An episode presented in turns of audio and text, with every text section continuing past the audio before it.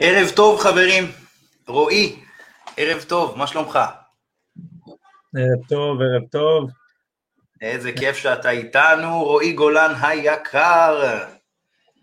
מאיפה אתה משדר רועי? מאיזו עיר? אני מהבית, אחי, מכפר סבא. במקום, ש... במקום שאני ישן. הכי אינטימי שיש. Uh, תודה רבה שהגעת לפודקאסט. Uh, אני, אני בטוח שהולך להיות פודקאסט סופר מעניין ופרקטי. Uh, אתה איש שטח ו- והולך להיות uh, סופר מעניין.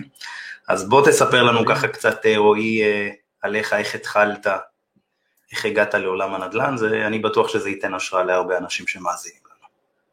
קודם כל בכיף, כמו, ש, כמו שיצאנו לדבר בינינו, אנחנו אנשים שאוהבים לשתף ידע, אז קודם כל תודה רבה שהזמנת אותי. באהבה ענקית. באמת אני שמח להיות פה. איך התחלתי? אז קודם כל אני חושב שההתחלה הראשונה איפשהו בראש לפני כמה שנים טובות, ככה הייתי קצין בקבע ומפקד היחידה הביא לנו שמאי מקרקעין שיספר לנו שצריך לקנות דירות להשקעה. אני, כל מה שאני זוכר מאותו יום זה מלא כל מיני ציורים שהוא צייר על הלוח ואיזשהו חבר לידי שאמר לי תראה איך משאירים אותנו להיות מ"פים ביחידה, ניקח משכנתה, לא יהיה לנו איך לשלם את זה ואז נשאר בצבא. זהו, אחרי כמה שנים, זאת אומרת, עזבתי את הצבא, התגייסתי בעצם, אחרי, אחרי שעזבתי את הצבא התגייסתי לשב"כ, ובעצם זה, זה איפשהו חלחל לי כל הזמן, כל הזמן הייתי סביב זה, למדתי, חיפשתי איפה להשקיע, והרגשתי שמשהו מאוד מאוד מאוד חסר לי. ולא... מה, לא הדבר, מה הדבר שהיה חסר? אני חושב שהיה חסר לי איזושהי, אחד ידע מאוד ממוקד, זאת אומרת, מה יותר נכון, מה פחות נכון, כי יש כל כך הרבה היצע.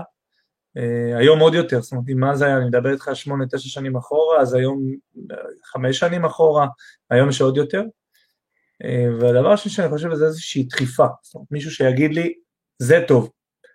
Uh, אז באמת נצמדתי לאחד החברים הכי טובים שלי, שהיום מוקמה אח שלי, והוא גם שותף שלי ביזמות, נדבר על זה אחר כך, והוא כבר עשה איזושהי עסקה בלי באמת להבין מי ממו, ואז הוא התקשר, אמר לי יש איזושהי עסקה בצפון השומרון, והיה חסר לי... החבר שלך הגיע גם מהתחום שאתה הגעת? גם מהצבא? מה... כן, כן, הוא עוד היה בקבע דרך אגב. עולם הביטחון? בקבע, כן, הוא המשיך בקבע, והיה חסר לי לעסקה 100 אלף שקל, בסדר? אנחנו מדברים על 100-150 אלף שקל, היה לי, היה לי בכיס בין 100 ל-150 אלף שקל, והבית עלה משהו כמו 250. ואז דחו לי איזשהו קורס בארגון שהלכתי אליו, ופחדתי להתחייב ל-100 אלף שקל הלוואה. פספסתי בית שהכפיל ושילש את עצמו היום באותה תקופה, באמת הבנתי שמה שחסר לי זה איזשהו, איזשהו ידע, כי זה מעבר לידע, זה איזשהו משהו פרקטי. זאת אומרת, ידע היה, קראתי ספרים, התאהבתי בעולם הזה, הלכתי ללמוד שוק ההון, הייתי סוחר טכני, אתה יודע, כל ה... כל הנראות יפנים והגרפים והשטויות האלה, לא שטויות, כן, מי שיודע עושה בזה הרבה כסף. ובאמת חיפשתי איזושהי נקודת אור, ואז הלכתי לאיזשהו קורס מאוד מאוד מאוד פרקטי, ובמשך שנה מצאתי את עצמי מסתובב, אין לי בעיה של לקום מוקדם, ללכת לישון מאוחר, לעבוד הרבה שעות פיזית, הייתי ש... אני חושב שגם הייתי גם ספורטאי לפני הצבא ועוד בצבא, ופיזיות לא הייתה אף פעם הבעיה שלי, לא, לא התעצלתי ועדיין לא הגעתי לעסקה. עד שנצמדתי לאיזשהו מישהו שבאמת אה, אה, ככה אמרתי לו, תקשיב, אני מוכן לעשות הכל, כאילו, מה שתגיד לי אני עושה, ואני איתך, אה, ושם אני חושב, שם, שם באמת נפל האסימון והתחיל התהליך הזה.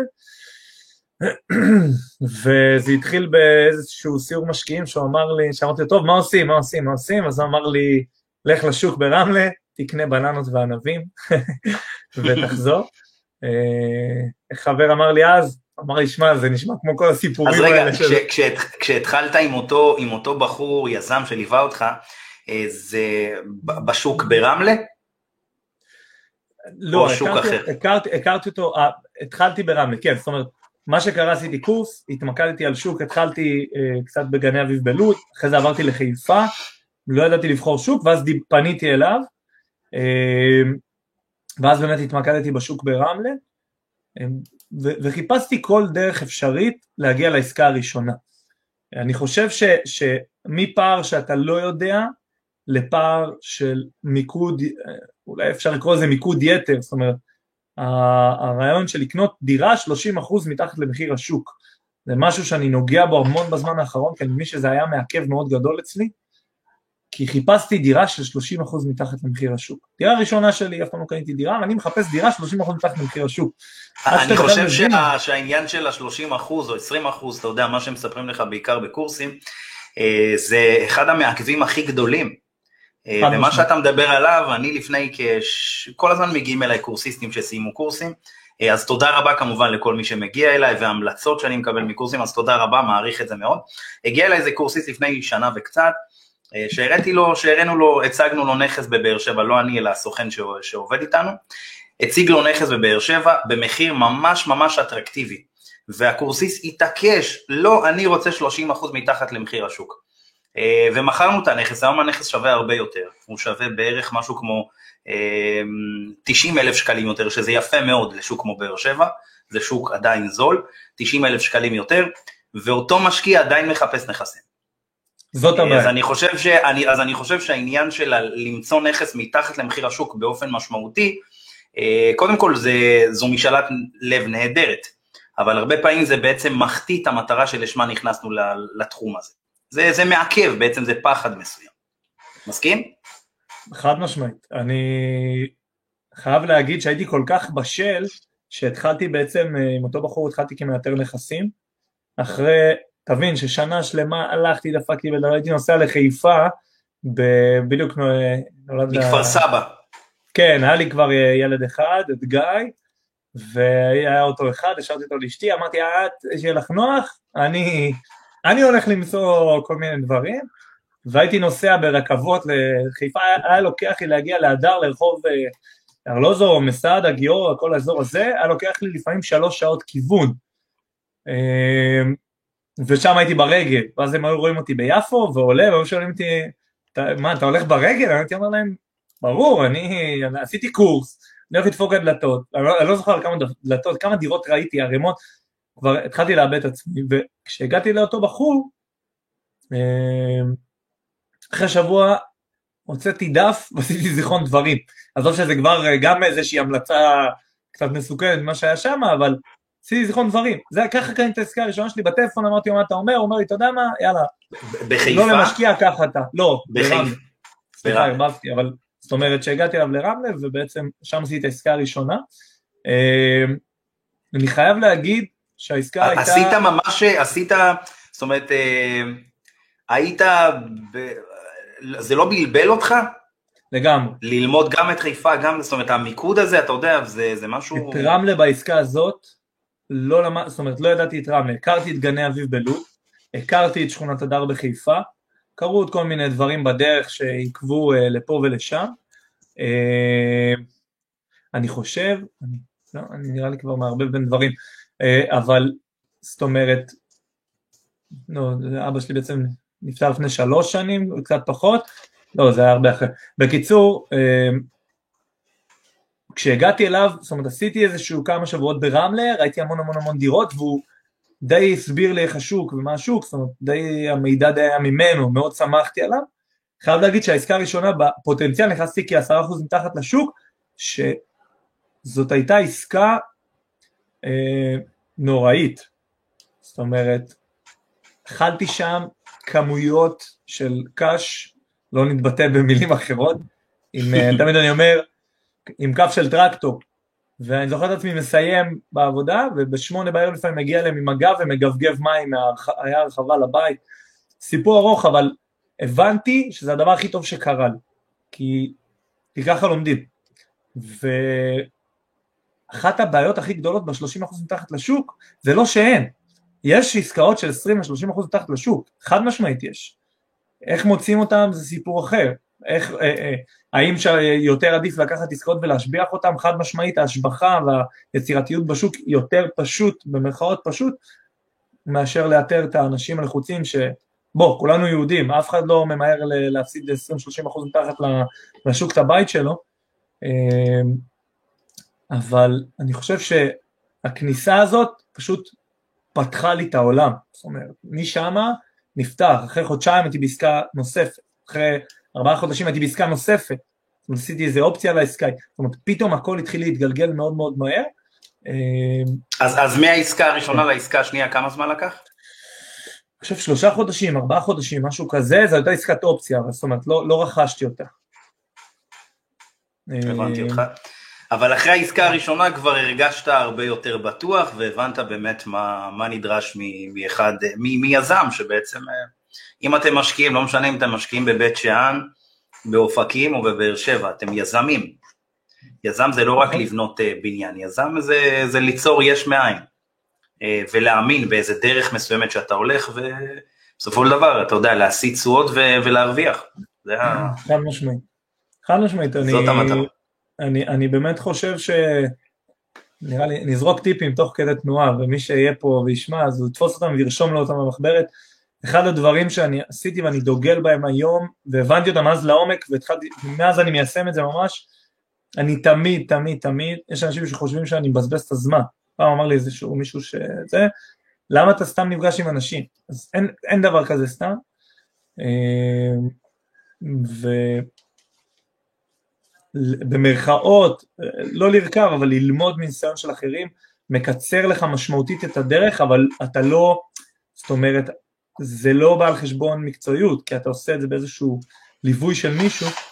אה, נדל"ן זה בסוף, נדל"ן זה בסוף אנשים.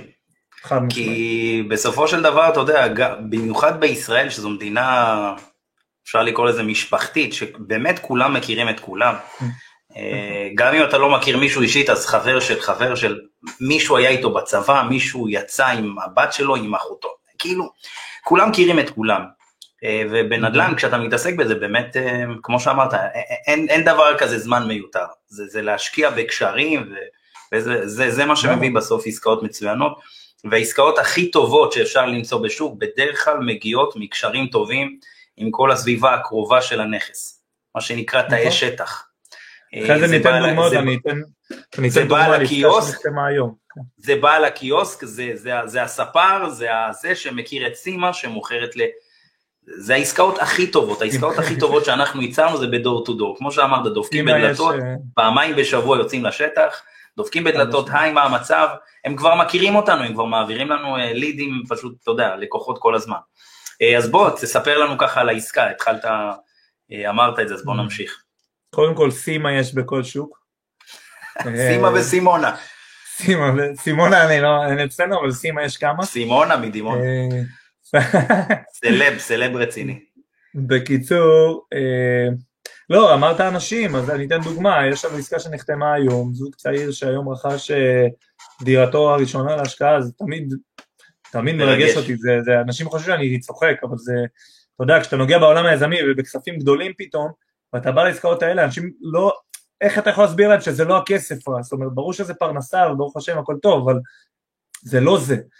ובאמת הייתה עסקה, שנכנסנו עם זוג, לא היינו מוכנים עם אישור עקרוני, ואם לא הייתי מכיר את המתווך, ברמה הכי חברית שיש. העסקה הזאת יום אחרי לא הייתה. אין סיכוי שאין, הוא כבר קיבל הצעות גבוהות יותר והוא שמע את העסקה כי הוא אמר לי רועי העסקה שלך.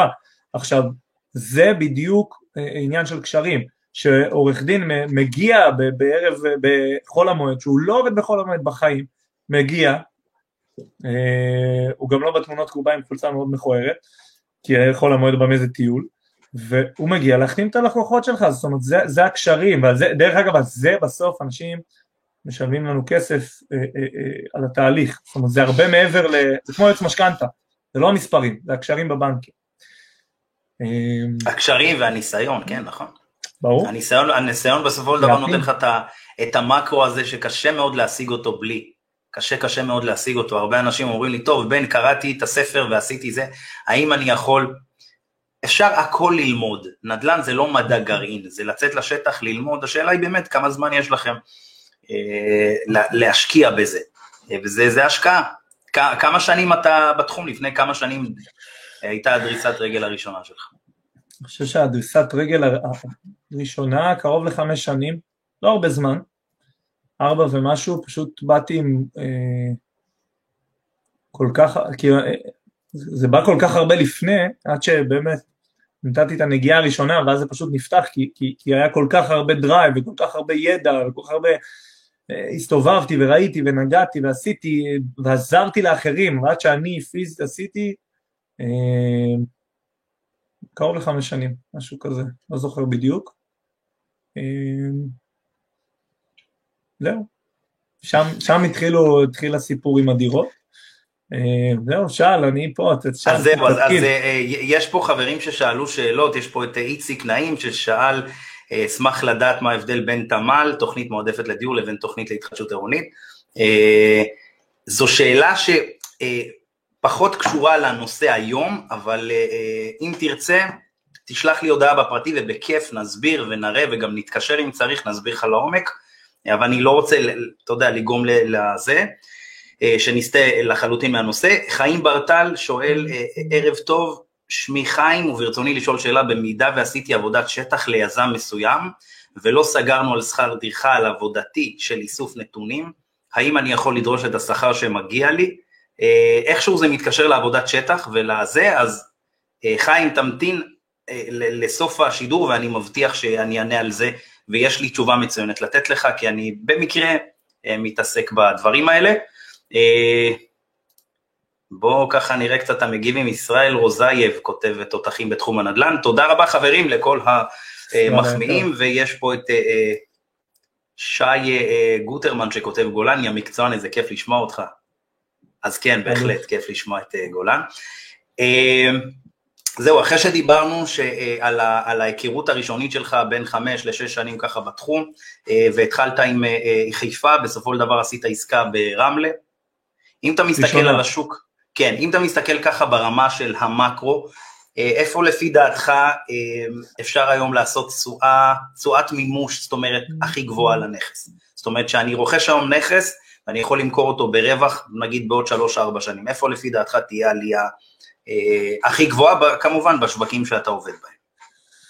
אה, קודם כל, אני אתחיל בתשובת אה, ככה פוליטיקלי קורקט, שבכל מקום אפשר לעשות נדל"ן.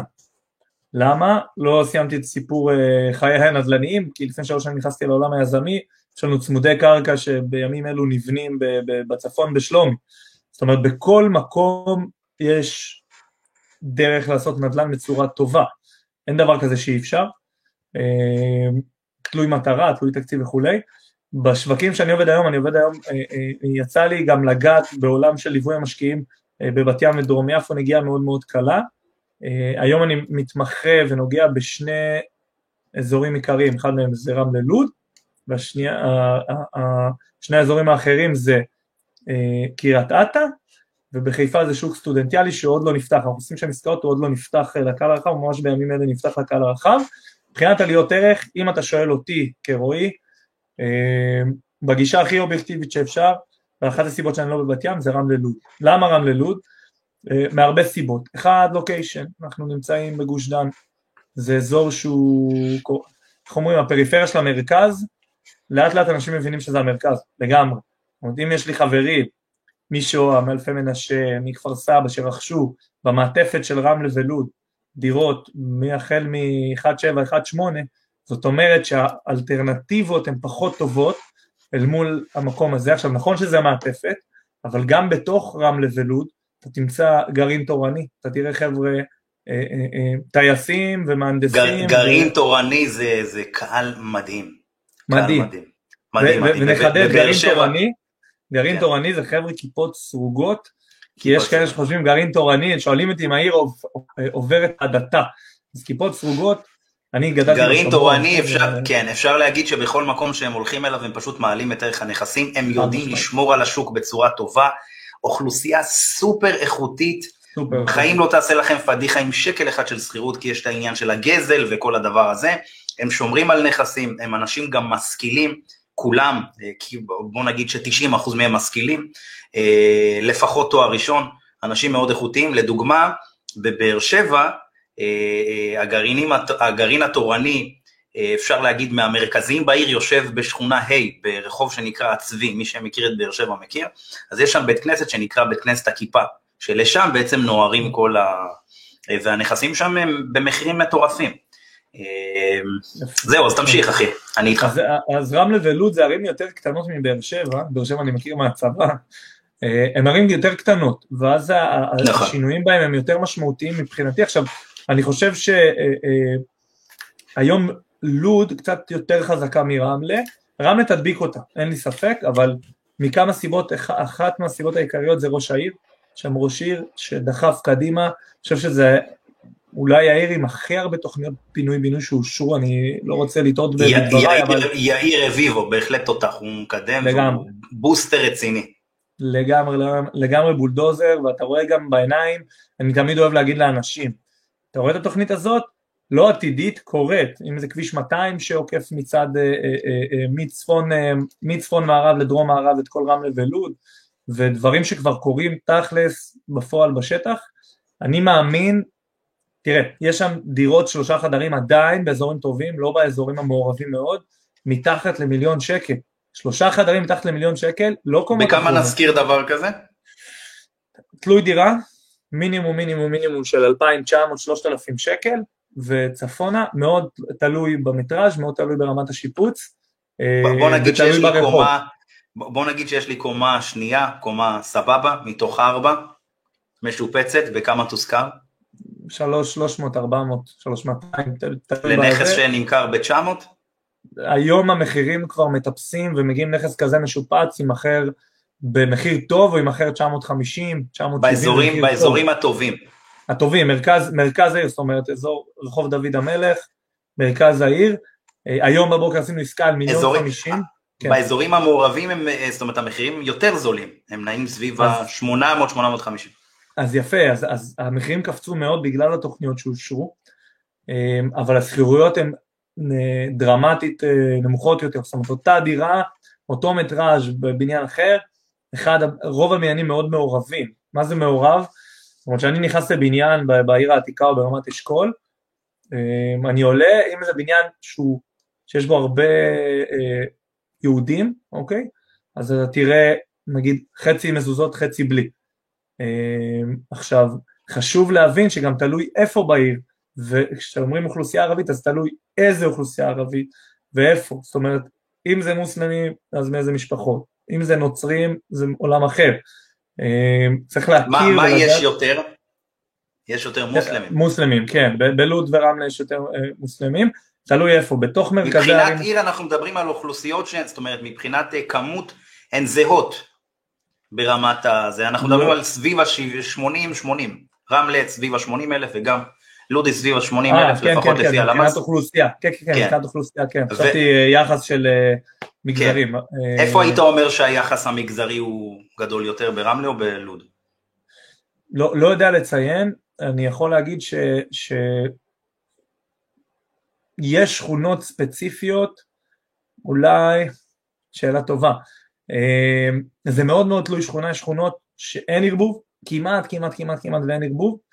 אמ, די זהה, זאת אומרת, אין דבר כזה שלא תראה ברחוב מסוים אה, אה, מישהו מהמגזר, זה ערים מעורבות, יש שם חבר'ה משניהם, מכל המגזרים. אמ, והחיים המשותפים שם, ממה שאתה מכיר, עובד אה, סבבה? עובד פיקס. יש שם הרמוניה טובה. כן, כן, כן. זהו, זה, זה מה שהולך להיות דבר. במיוחד המבוגרים, חיים בשלום והכל סבבה, סתם בפוליטיקה מראים לנו הרבה מלחמות. לא, בפול... בסופו של דבר בני אדם. בפוליטיקה בוחרים על להראות, כי, כי אם אה, היה לי תקופה שהסתובבתי בדרום יפו, ויצא לי להסתובב בכמה כפרים בחיי שהם לא ב...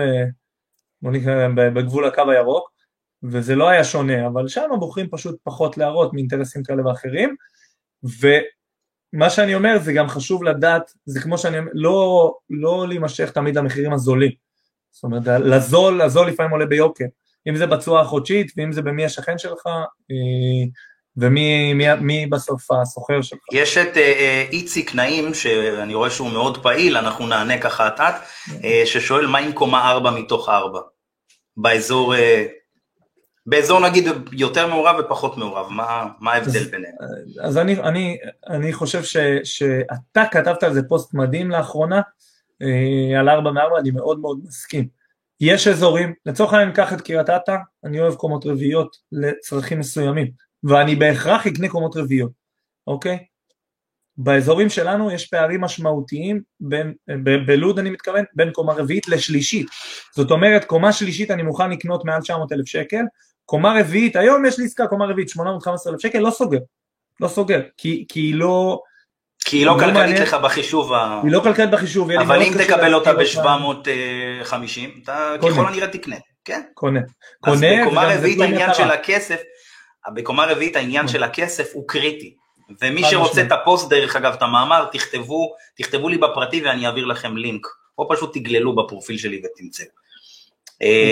הוא גם קריטי למטרה, אם אנשים מחלקים דירות, אז קומות רביעיות בהרבה מקומות, בטח באזורים טובים, לא הייתי מחלק דירה באמצע הבניין, הייתי מחלק דירה בזה, אם כן חלוקה לא חלוקה, נכון, אני לא ממליץ נכון. כמובן, לא, אבל... זה, זה, זה עולם, לא ניכנס לעניין של החלוקות, כי זה נכון. באמת עולם ואסטרטגיה מטורפת, נכון, נכון. וזה לא מתאים לכל בן אדם, כן, זה, זה מטורף, זה עדיף שלא ניכנס לזה. אה, איזה אזור הוא מעורב? אה, לפי דעתי קצת אה, דיברנו על זה, נכון?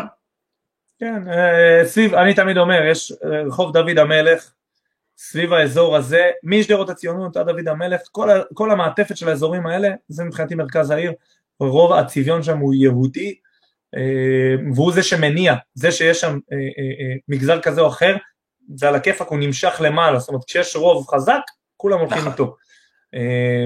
כמה זה מתחלק שם, 80-20? לא יודע, לא יודע להגיד, אה, באזורים האלה משהו כזה, כן. אפילו, אפילו, אפילו 90-10 לפעמים. באזורים למטה זה... זה אז, אז המסה הקריטית בהחלט מושכת. כן, כן, כן. כן. בואו נראה. מה, פסקת זיתים? כן. איציק, אה, אותי אתה מכיר הרבה זמן, אם אתה רוצה, גם היית איתי בילוט, אתה יכול לשלוח לי ואני... בהחלט. מי שרוצה, אני ארשום לו שכונות, אני ארשום לו גם מבחינתי רמות מחירים וכולי באהבה. הכל הכל, אנחנו פה באמת חברים לשתף בידע מכל הלב, מה... אמרתי את זה לרועי בשיחה שלנו היום, אנחנו לא עיתונאים, אנחנו אנשי שטח שעושים תכלס בשטח, ואנחנו פה באמת לשתף, ו... ולשתף אתכם בתובנות. אה, מה מתוכנן להיות בלוד בשנים הקרובות? יש למחירים עוד לאן לעלות. אה, זה מתחבר בעצם לשאלה שלי. אה, נכון. אז בעצם אם אנחנו מדברים על עליית ערך בשווקים שבהם אתה פעיל היום, זה חיפה, קריית אתא, רמלה, לוד, אפשר להגיד שרמלה, אתה, רמלה, לוד, זה, אלה השווקים שאתה הכי מאמין בהם מבחינת עליית ערך.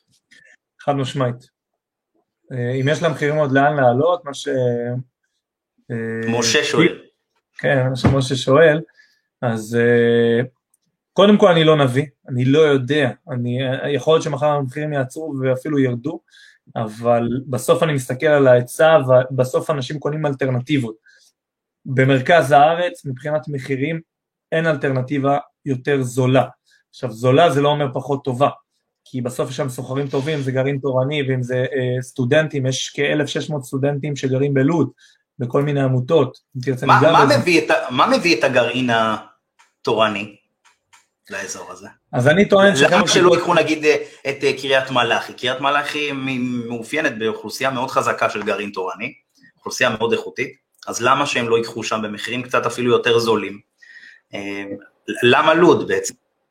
אז אני טוען שכיפה סרוגה, ואם מישהו רוצה להתווכח איתי אז בכיף, גדלתי בשומרון אה, לצידם, מכיר טוב מבית, אה, מגיעים מתוך שלושה דברים. הדבר הראשון, הרבה פעמים לרוב, וזה מה שהניע פה, זה אידיאולוגיה. אה, הדבר השני זה קהילתיות, והדבר השלישי זה כלכלי.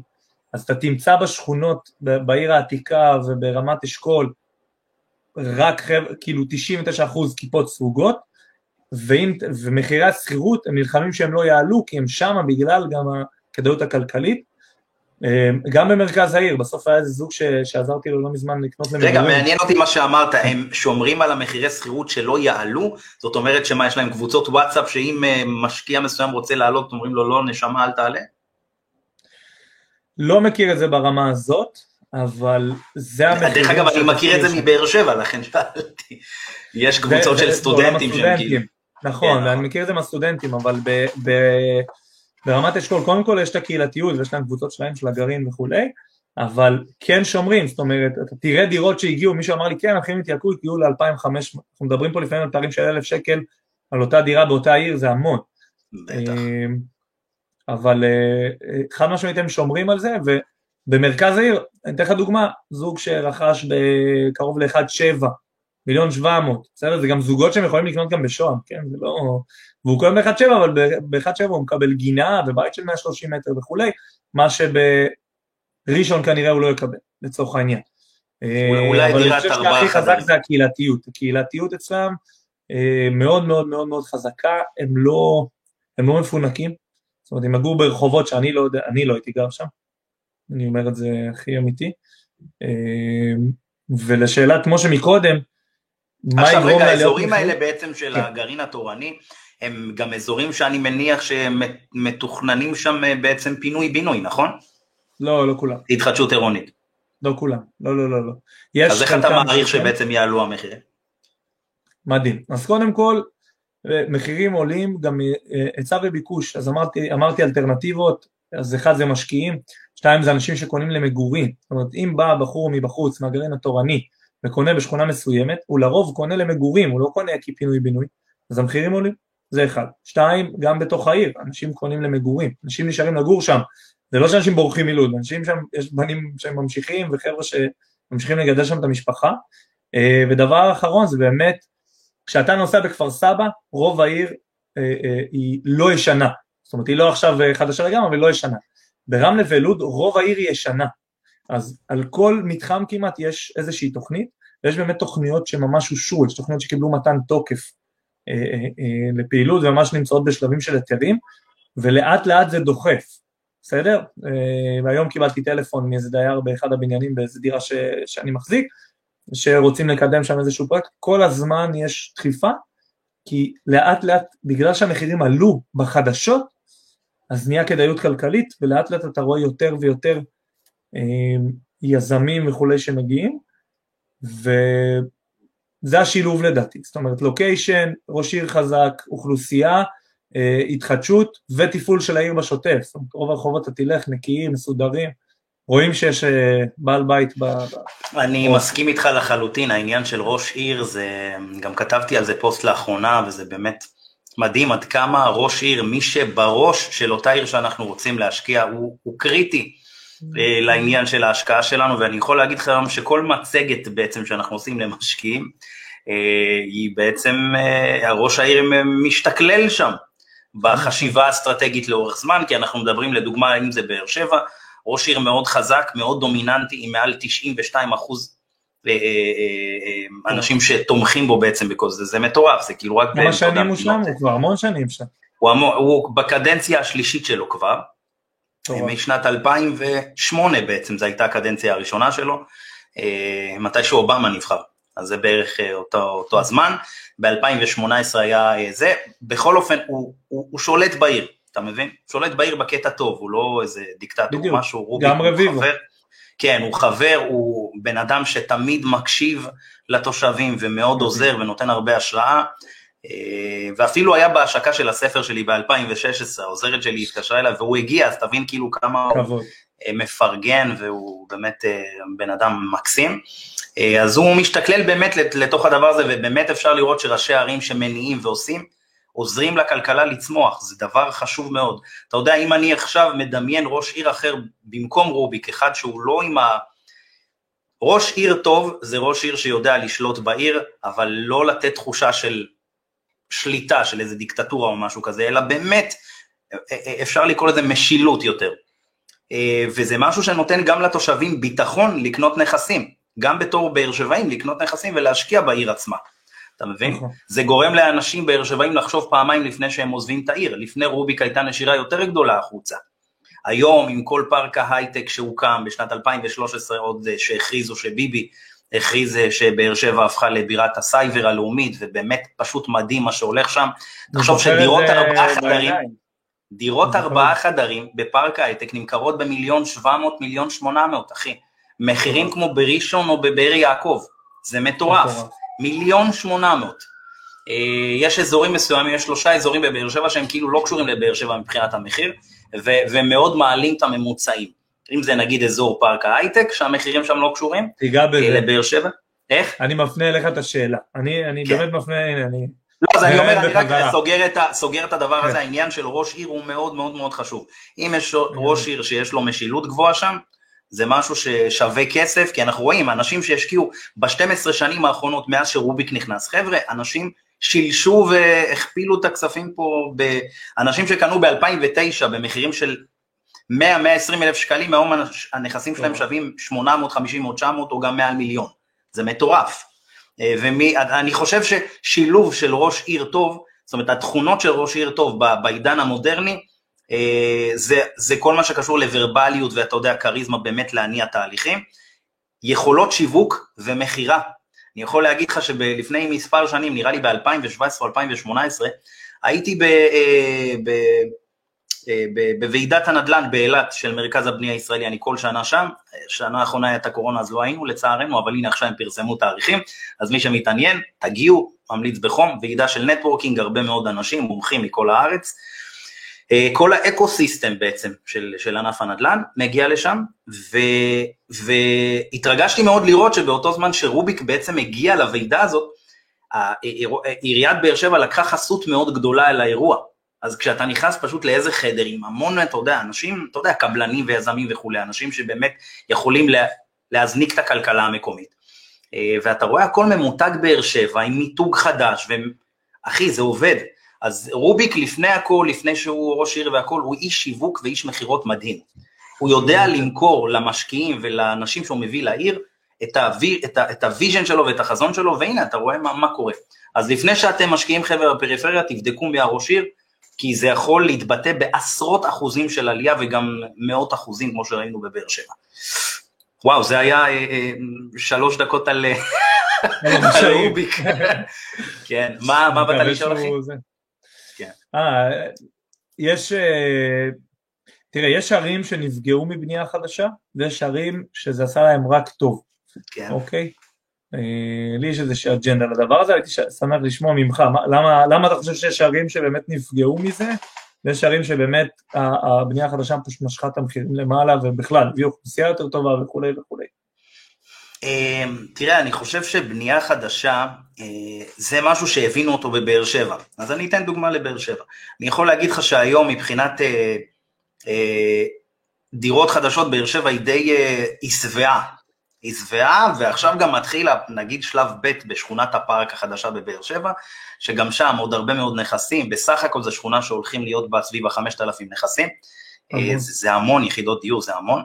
אה, ובשנה, שנתיים, שלוש, חמש הקרובות תהיה סוג של, אה, של הצפה באזורים האלה, אם זה גם בסנטרל פארק, בשכונה ב', במקום האיצטדיון הישן, מי שמכיר את באר שבע, איצט- איצטדיון וסרמיל, עכשיו עברנו לטרנר לפני כמה שנים, האיצטדיון החדש, אז במקום האיצטדיון בעצם הרסו אותו, זה אזור אטרקטיבי, ובנו שם, ובונים שם 17 בניינים, כרגע לפי דעתי שניים כבר מאוכלסים, Uh, הנכסים היום לדירות ארבעה חדרים בפרויקטים האלה שלפי דעתי הם רבועים בשנים האלה, הם סביב המיליון שלוש מאות לדירות ארבעה חדרים. Uh, אני במקרה מלווה כמה משקיעים שם, אני מכיר את המחירים טוב, זה הטווח, ובשנים הקרובות זה, אני, מה, מה שאני רואה זה, זה ילך ו... ו זאת אומרת, זה ילך וידביק את הביקושים. כרגע בנו יותר ממה שצריך, אתה מבין? לא בנו אחד לאחד, בנו יותר משצריך. כי אל תשכח גם שיש פה את העניין של מחיר למשתכן, אתה מבין? זאת אומרת שאם זה- קבלנים היו בונים פה רק לשוק. לשוק הפרטי, אני לא מאמין שהם מציפים ככה את השוק, אני שלא. לא מאמין. בגלל שיש פה עניין, אה, זאת אומרת מרכיב של מחיר למשתכן שהוא היה אה, בעצם אה, הדבר המרכזי פה בשיווקים של כל הדירות האלה, אז, אה, אז יותר קל לקבלנים, אתה יודע, לבנות יותר וכולי. אתה מבין? זה, זה מה שאני חושב. בשנים הקרובות זה, זה, זאת אומרת שאם עכשיו לדוגמה עוד שלוש שנים נרצה למכור אה, נכס שקנינו חדש, עוד שנתיים אולי, או גם שלוש, יש מצב מאוד גדול שאנחנו נמכור לא ברווח. אתה מבין? כאילו, בדירות החדשות, באזורים הרבועים. אבל יש אזורים מסוימים בבאר שבע של דירות חדשות, ששם, כמו שאמרתי, השוק מתנהל אחרת לחלוטין. אם זה שדרות רגר, בכניסה לעיר בבניינים מסוימים, אם זה בפארק ההייטק, שוק שונה לחלוטין, ומגדלי הגרנד, אפשר להגיד שאלה השלושה שבעצם מנהלים סוג של שוק, סוג של שוק בנפרד. שאר המקומות שבנו, אם זה סנטרל פארק, 17 בניינים, סיגליות, שזה גם פרויקטים חדשים, וכל האזורים האלה שבעצם הרבה מחיר למשתכן, שם תהיה בעיה גם בהשכרה בשנים הקרובות, וגם תהיה בעיה של מכירה, זאת אומרת, אנשים לא יממשו שם במאות אלפי שקלים. לא מאמין, אתה מבין? זה, זה, אני חושב שגם, קודם כל, נראה לי שכאילו, יש שווקים שנפגעו, יש שווקים ישנים בכל מיני מקומות, לא דרך אגב, סליחה שאני זה, אני אומר, זה הכל עניין אחי של באמת היצע וביקוש, בבאר שבע לא נדרשו לא כל כך הרבה יחידות דיור. לדוגמה בראשון, ששם בנו גם מחיר למשתכן, הכל נחטף. והיום נכסים שהם קנו במיליון 200 הם יכולים למכור כבר מיליון 800, שזה לא יקרה. זאת הנקודה, זאת בדיוק הנקודה שאני בא להגיד, זאת אומרת, יש אנשים שאומרים לי, אבל הנה יש פה בנייה חדשה בלוד, זה יפריע לבנייה הישנה, אז אומר, רגע, רגע, אז היצע וביקוש, מקרו כלכלה הכי... הכי, הכי פשוט, רגע, טי, תכף ניגע במה שהוא אומר, והכי פשוט זה באמת אחד היצע וביקוש, אם יש ביקוש גבוה וגם אם יש פערים, זאת אומרת אם דירה עולה 900 פה ופה מיליון 800 והסטנדרט אחר לגמרי וכולי, אז צריך לקחת את זה בחשבון, חד משמעית יש אה, ערים שנפגעו מהבנייה החדשה, ואתה נגעת בנקודה הרבה יותר חשובה, שזה יש שכונות ספציפיות שנפגעו מ-1, 2, 3, זאת אומרת בניתוח השוק או בשטח או מה שדיברנו מקודם, באמת צריך לדעת לעשות מיקרו, מיקרו, מיקרו, וברמה ש... באמת, יש ברמה, הראיתי, לקחתי פעם משקיע, והיינו צריכים לראות איזושהי דירה שפורסמה ואי אפשר היה לראות אותה. אז הגענו, אמרתי, תקשיב, אי אפשר לראות את הדירה, אז הוא אומר לי, אז למה הבאת אותי? אמרתי, אנחנו יכולים לראות את הדירה של השכן, כדי שתראה איך הדירה נראית, כי אני רוצה לחטוף אותה, כי היא כבר פורסמה במחיר הזוי. והגענו לשכן, דפקתי בדלת, פותח את הדלת, מי אתה? אמרתי לו, אני רואה, נעים מאוד, אני רוצה לראות את הדירה. אומר לי, למה? אז אה, אה, אחד, אחד הדברים של הסיפור הזה זה באמת לא להתבייש, באמת ללכת פיזית בשטח ולראות אה, נכסים, ואמרתי לו, אתה רואה את הכניסה הזאת שנכנסנו? פה אנחנו לא קונים גם ב-70 אלף שקל פחות, ושם אנחנו נקנה במחיר שציינתי. למה? ככה, זה, זה, זה, זה הרמה שצריך להגיע, זאת אומרת, לא כל מה שקופץ, זה כמו שמישהו אמר לי, אה, מישהו סיפר לי שהוא קנה מציאה ב-X כסף בזה, בסוף זה שני חדרים קומה אחרונה באזור ש... שהייתי נכנס לשם אולי עם הצוות שלי מה, מהסיירת, אז, אז זה, צריך להבין איפה ומה עושים. אמ, מישהו שאל שאלה על לוד. כן, טוב בוא נראה, נענה לשאלה. אתה יכול לשאול, כן, מקשיב. אה, בוא נראה, מי שאל שאלה? מה זה היה? איפה זה? בוסי, משהו בוסי שמוליק. הקימו כעת בלוד שכונה תורנית מטורפת, צמוד לשכונת גני יער, אלפי יחידות דיור, שאפו ענק ליאיר רביבו, אני עובד גם בלוד כבר יותר מ-20 שנה, וראיתי מקרוב את ההתפתחות של העיר, להערכתי בהחלט עוד המחירים שם יעלו. שים לב שגם הוא חיבר את זה לראש העיר, אז אנחנו מבינים באמת שלראש עיר זה, יש השפעה מאוד מאוד מאוד גדולה על ההתפתחות של העיר, פעם הבאה נבוא עם uh, תמונות שלהם, של אה, רוביק ויאיר. אני, אני אשלח לרוביק אחרי זה את השידור, גם אתה תשלח ל, ליאיר. את יאיר אני לא מכיר, את רוביק אני מכיר ממש טוב. כן, דבר איתו אגב, אחד הדברים, אחד הדברים, לא לדעות פוליטיות פה, אבל uh, הוא ראש מטה הליכוד, רביבו. נכון. אני חושב שחד משמעית זה עזר לו לקדם המון המון דברים.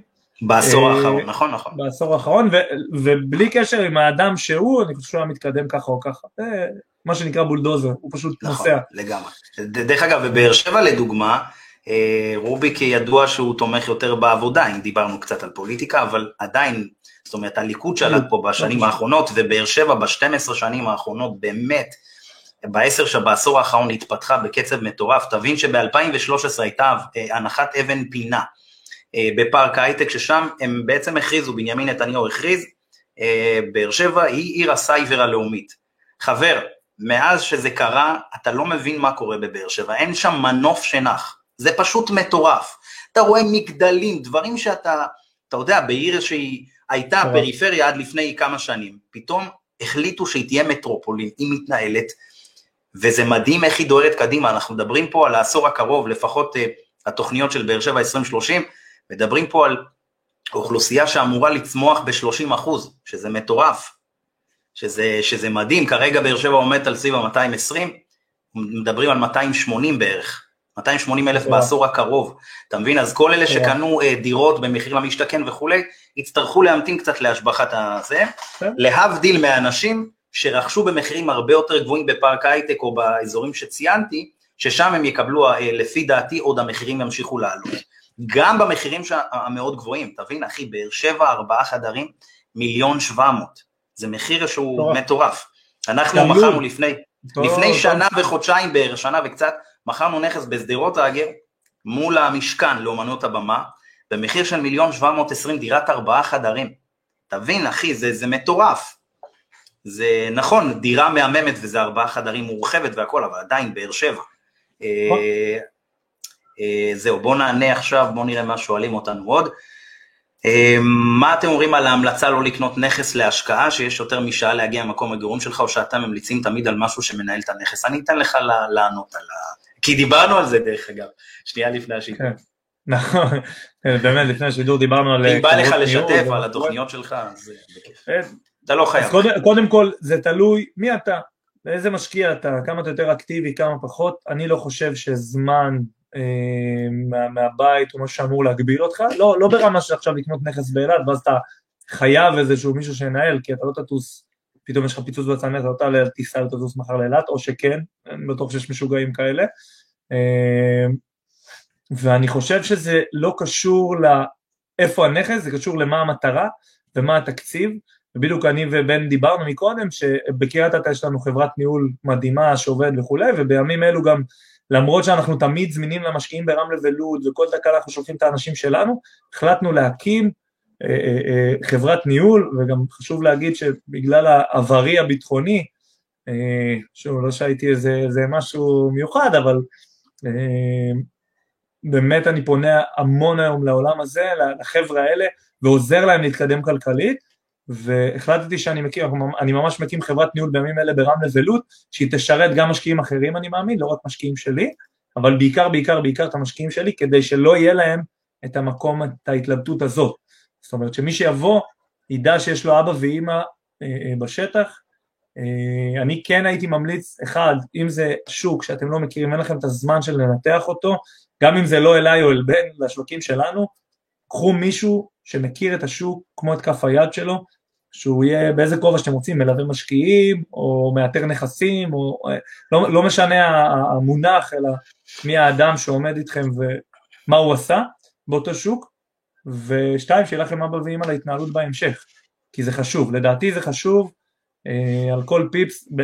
זה לא רק זה, אני אסביר לך יותר מזה, בקריית אתא, אנשים מדברים על השכרת נכסים בין 1800 ל-2000, אני מוכן להראות חוזה שכירות של בין 2200 ל-2800 על אותם נכסים, עכשיו נכון השבחנו ואתה אומר רגע מה רועי שם שם דלירים ו...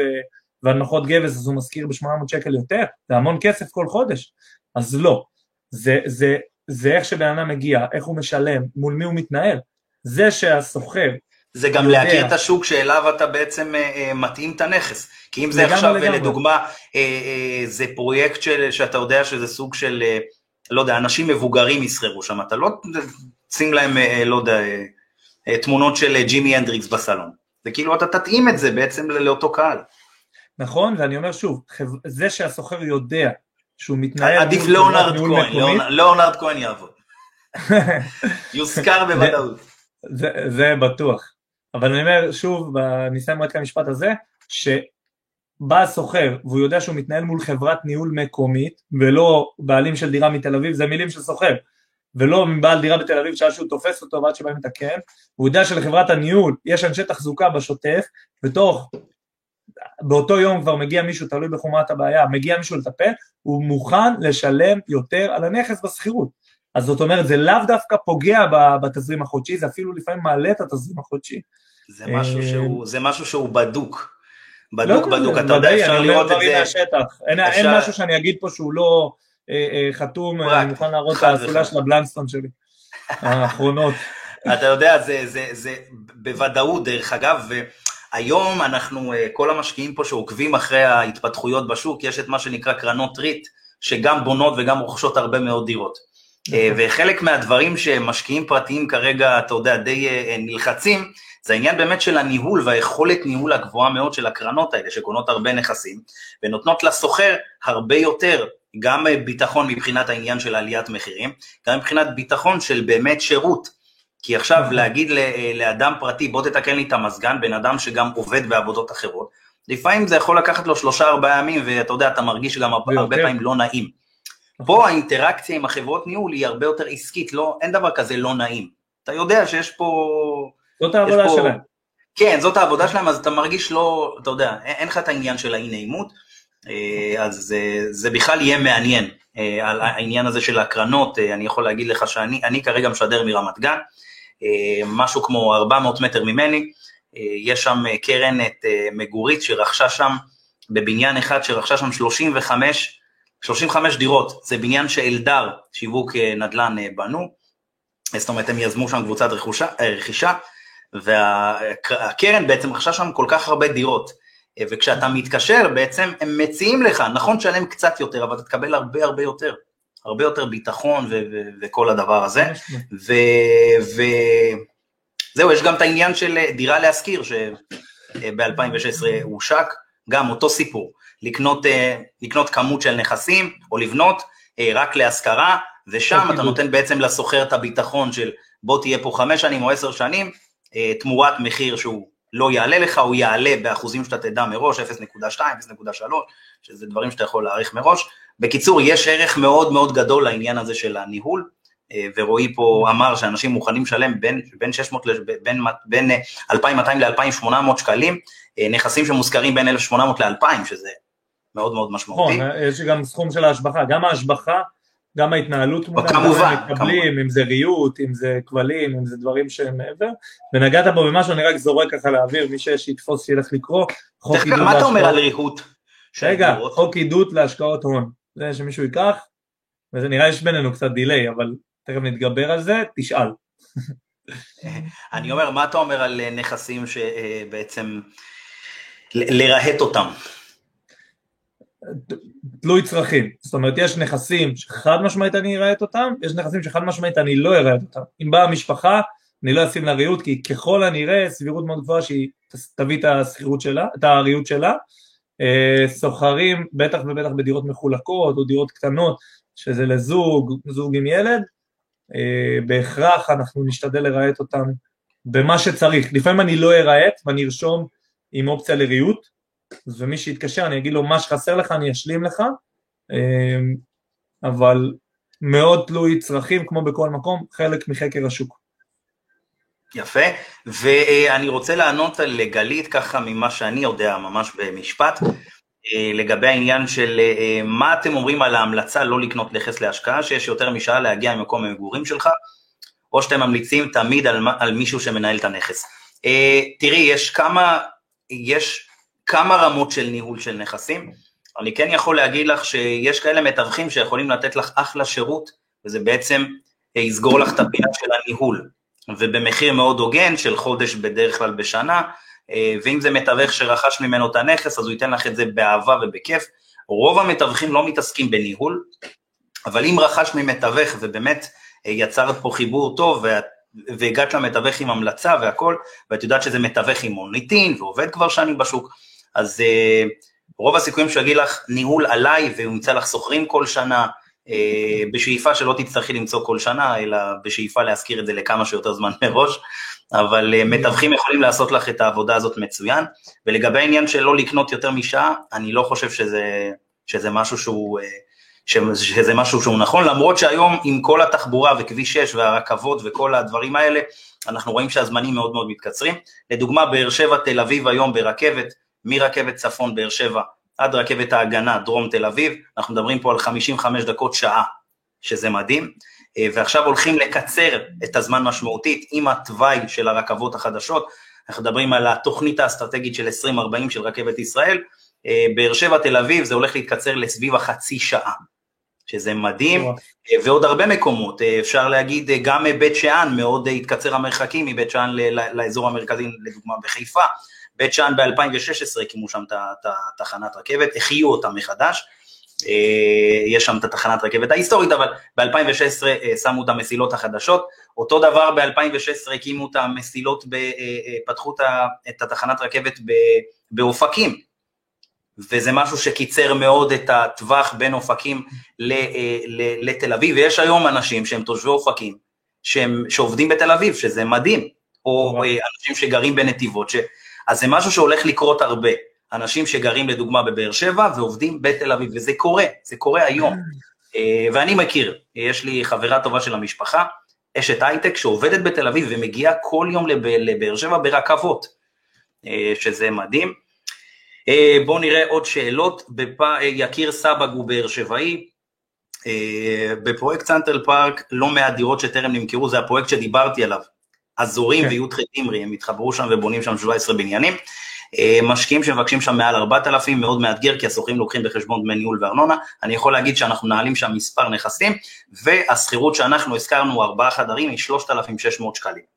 אז כן, מי שרוצה וחי בסרט מעל 4,000, יהיה לו מאוד קשה, כי יש שם היצע, יש הרבה הרבה נכסים שם אה, להשכרה. אה, בואו נראה מה הוא, הוא כתב, אה, מי זה? משה בן דוד, יש השפעה לראש עיר על מחיר הנדל"ן? אני לא יודע אם זאת שאלה, אבל אם זאת שאלה, אז בהחלט, בהחלט יש. אני יכול להגיד שבאמת כל מצגת היום למשקיעים וכאלה, זה ראש העיר הוא באמת נכנס לכל מצגת, וראש העיר רוביק הוא כבר בקדנציה שלישית, וכל עוד הוא ירצה להיות ראש עיר, הוא לא ירד משם. זאת אומרת, אין, אין לו מתחרים בשום... אה, באמת. אה, בואו נראה מה עוד כתבו. אה, מה מתוכנן בלוד בשנים הקרובות? טוב, דיברנו על זה, נכון? כן, כן, זו כבר שאלה שענינו. כן, סבבה. מה אתה צופה לקריית אתא ובמה היא מיוחדת מבחינת עליית ערך מכל הקראיות? שאלה מעניינת. שאלה מעניינת, ואני רוצה לענות את, השאלה, את התשובה הכי כנה בעולם. שאנשים אומרים לי, למה אתה משקיע בקריית אתא ולא בחיפה? ואני אומר להם, לא יודע, אין הבדל, זאת אומרת, אם יש לך שוק שיש לך בו ידיים ורגליים, ואתה מאמין בשוק עצמו מבחינת התפתחות וכולי, מעולה. זאת אומרת, לפעמים אני הולך לשוק, אני לא אה, אה, עושה תחרות בין השווקים כל היום, כי, כי ברור שאני צריך להאמין בשוק, אבל אני גם צריך לדעת לעשות עסקאות בשוק מסוים. אה, במה היא מיוחדת? קודם כל הקיר הכי גדולה אחרי חיפה היא העיר הכי גדולה בצפון. אה, יש שם עתודות קרקע, אבל ייקח המון המון שנים עד שיבנו וזה לא פוגע בבנייה הישנה. הבנייה החדשה שקורית היא בפערים מאוד מאוד גדולים. אה, זאת קריה שהיא, אני מאוד אוהב בכללי את הקריות. זאת אומרת, זה מטרופולין מאוד מאוד גדול, שיש בו המון תעסוקה. אני מגיע היום מכפר סבא לקריית אתא, ב-55 דקות באוטו. בשש, נכון שאני לא נוסע בשעות הפקקים, אבל אוקיי, בסדר, כאילו, אפשר ללכת ולנסוע מפה, לנסוע מפה לסופר בשעות הפקקים לוקח לי חמישים. התחבורה, התחבורה משתפרת באופן דרמטי בישראל. פלאים, פלאים, פלאים, וזה עדיין, עדיין לא נגמר עם כביש 6, למרות שכרגע מה שמשפיע זה צומת סומך אה, על קריית אתא וזה מעולה. יש גם את אה, הרכבות לאילת שהם מדברים עליהם וכבר הביאו אה, לזה תוקף. אין ספק, אין ספק שהתחבורה במדינת ישראל משתפרת, כל תוכניות המטרו, אני מרגיש את זה ב... אה, לא דיברנו על יזמות, לא יודע אם נספיק לגעת פה, אבל אה, כל מה שאנחנו, המגרשים שקנינו פה לבנייה רוויה בכפר סבא. אחרי זה, אחרי זה ניגע בזה, אני רוצה את ה... תמשיך עם הקריית אתא. בקיצור, קריית אתא מבחינתי זה אה, קרייה שהיא מאוד מעניינת, אחד מבחינת המחירים שלה, אין כבר מחירים כאלה בצפון, שתיים מבחינת האוכלוסייה שמזכירה ממני את הנכסים וכולי, שזו אוכלוסייה יציבה ומקומית. זאת אומרת חבר'ה צעירים שמזכירים ממני נכסים, שסוחרים ממני נכסים, זה לא סטודנטים, אנשים חושבים שצעירים זה שווה סטודנטים, זה לא נכון, אה, קריה מאוד מסורתית, אנשים אוהבים לבוא לשם, אה, שוב, מה ההבדל בין זה לבין חיפה? אחד זה גם התחברות בשטח, לצורך העניין הדר בחיפה, שאני חושב שזה אולי שווה ערך למחירים, אפילו לא כבר הדר אולי טיפה יותר יקרה, אז לי מאוד קשה עם הדר ספציפית מכל מיני סיבות, אחד מחקר השוק שהבנייה לא זהה, שתיים מאוכלוסייה מאוד מאוד מעורבת, שלוש ממקומות מאוד מוזנחים ובנייה הררית שכחלק מחקר השוק שעשיתי בעבר פחות התחברתי. אה, ובאמת אחד הדברים החשובים זה ידיים ורגליים, זאת אומרת ברור שלא עשיתי בקריית אתא חקר השוק שעשיתי רגליים ברמלה לוד, יש שם שותפים מאוד מאוד מאוד מאוד מאוד חזקים, לא תמצאו אותם ברשת והם אנשי שטח וזה זה זה מה שמייחד, מבחינתי אני יודע לעשות עסקאות בקריית אתא, שאני לא יודע לעשות אותן במקום אחר, ואני אגיד משפט שגם מבחינתי הוא טיפ מאוד מאוד מאוד גדול למשקיעים, כשאני חותם על הסכם הרכישה, עשיתי עסקה טובה. לא מה יהיה עוד עשר שנים, אני לא יודע, אני לא נביא, אני יכול לצפות, אני יכול לקוות, אני יכול אה, להעריך, אבל מבחינתי את הנכסים שאני רוכש, אני רוכש נכסים אטרקטיביים, בין אם מתחת לשוק, בין אם השבחות, מאוד מאוד תלוי מטרה, אם זה פליפ אז זה משהו אחד, אם זה מניב זה משהו אחר. זהו, אני חושב שהמחירים כבר עולים שם, זאת אומרת דירות שהיית מוצא לפני שנתיים באזור גבעת הרקפות ב-350, היום נמכר, קשה מאוד להשיג ב-500, בסדר? 480, 470, קשה להשיג. היה פה עליות באחוזים זה מטורף. אז יש כאלה שיגידו משקיעים אלו, יש כאלה... בשורה התחתונה המחירים עולים והדירות מושכרות. אה, אז אה, אני מקווה שעניתי על השאלה. אני אפילו ככה אצטט אותך. אתם עושים עסקה, תעשו עסקה מצוינת בהווה. אה, אנחנו לא נביאים, ואני חושב שזה משהו שאתם צריכים לגזור ולשמור. לגמרי. עכשיו, השוק בקריית אתא באמת מעניין, ככה רציתי, מבחינת, לדוגמה, תעסוקה, אנחנו מדברים על עיר שבאמת מביאה הרבה מאוד מפעלים. נכון. אבל מה שכן, מבחינת השכר הממוצע, אתה יודע, זה שיש מפעלים, אה, כמו באופקים, שיש שם הרבה מפעלים, ואתה יודע, זה עיר עם הרבה, לפחות בשנות ה-90, הטקסטיל וכל הדברים האלה, אבל זה משהו שלא אה, אה, בעצם מעלה את ההכנסה שם באופן משמעותי, כמו לדוגמה דימונה, ששם המפעלים, אה, זאת אומרת, האנשים שמרוויחים שם בדימונה, המס, המשכורות הן יותר גבוהות בקיצור. דימונה היא אפילו קצת יותר מבאר שבע, לפחות על פי דוח של ביטוח לאומי. אתה מבין? זאת אומרת, אנשים mm. מסתכלים וגם נשארים עם כסף כיס יותר גבוה, כי בדימונה אנחנו יודעים שיש שם אה, נקודות זכות של 16 אה, אחוז, שזה מדהים, אה, אבל, אז אני אומר, מבחינת קריית אתא, זאת אומרת, אין איזה לימיט מסוים, מבחינת, זאת אומרת, אתה תקנה נגיד נכס שם במיליון שקל ותצפה שהוא יעלה למיליון שלוש מאות בעוד כמה שנים? או שאתה אומר, אני קונה רק את השוק הזול שם?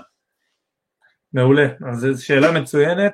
וזה בדיוק מה שאני אומר, אני חיפשתי, אני לא חיפשתי אלטרנטיבה למיליון כי יש לי את רמלה לוד, באותו הכרח הייתי הולך לחדרה אם הייתי מחפש אלטרנטיבה למיליון כי יש ים וכולי וכולי, אה, גם הרבה ישאלו אותי למה חדרה, לא חדרה וכן רמלה לוד, זה אותו רעיון, אין לי תשובה, תשובת בית ספר, זאת אומרת אם השוק שם, אתם יודעים לנתח אותו ולעשות שם עסקאות טובות, ואתם צופים שם עליות ערך, כי אני לא מכיר את התוכניות בחדרה, אז תלכו לשם. עכשיו, קריית אתא בהכרח מעניין אותי השוק הזול יותר, אה, מה שכן, אם אני משווה תפוח לתפוח, אז אם דירה בקריית אתא שברמלה לוד תעלה מיליון שקל, שם תעלה 500 אלף שקל לצורך העניין, אז דירה חדשה של ארבעה חדרים, אני אדע להביא אותה במיליון מאה, שכבר היום נמכר במיליון שלוש מאות, שבלוד כבר תעלה מיליון שמונה מאות, זאת אומרת, מאוד מאוד תלוי פר עסקה. אני יכול להגיד לך משהו, אני רוצה לקחת את זה אני, דווקא לשלומי, איפה שאנחנו בונים את הצמודי קרקע, שלומי זאת הערת פיתוח. אז אנחנו עכשיו נכנסים כרגע לבעצם יזמות, שלא נבלבל. גם, אבל לא, אני נוגע בחקר השוק. כן, כן, אני, אני דווקא נוגע בחקר השוק ואני, ואני אגע ביזמות אה, אה, עוד רגע. גם כשבאתי לשלומי, יש לי חבר מאוד טוב שגר בבצת, אני מאוד מקווה שהוא רואה את השידור הזה דרך אגב, שהוא גר בבצת, בצת זה ממול שכונת יערית ממש, וכשאמרתי לו את מחירי המכירה שאנחנו צופים לבית בנוי, הוא אמר לי רועי אני אוהב אותך מאוד אבל אתה חי בסרט, עכשיו, לא היה שם מכירות כאלה לפני שאנחנו צפינו, היה מכירות די קרובות, אבל לא היו גם, גם בתים בנויים, באנו עם המון המון המון vision, עם המון, היה לנו איזשהו חזון, אבל גם הבנו ועשינו חקר שוק בצורה כזאת, שעשינו סטטיסטיקות בארץ בין דירות חמישה חדרים, שהן דירות גן לצורך העניין, לדו משפחתי, לבית פרטי. עשינו ממש סטטיסטיקות, ראינו שיש הבדל של לפחות חצי מיליון בין דירה לדירה, זאת אומרת בין בית פרטי לדו משפחתי יש חצי מיליון הבדל, באזורים מסוימים שמדמים לנו את, את האזור, והבנו מי האוכלוסייה שבאה לקנות. עכשיו, אתה בא ואומר, אוכלוסייה בשלומי, כמה היא כבר תקנה? כי יש להם מרוויחים אפילו פחות מקריית אתא, כמה היא כבר תקנה? כאילו מה, כמה מהם נוסעים כמו משוגעים עד יוקנעם ועובדים בהייטק? אז מה שגילינו, שבונים שכונה יוקרתית, באזור שהוא, שהוא מטריף, כאילו מי שרואה את התמונות שלי לפעמים שאני מעלה משם הוא מטורף,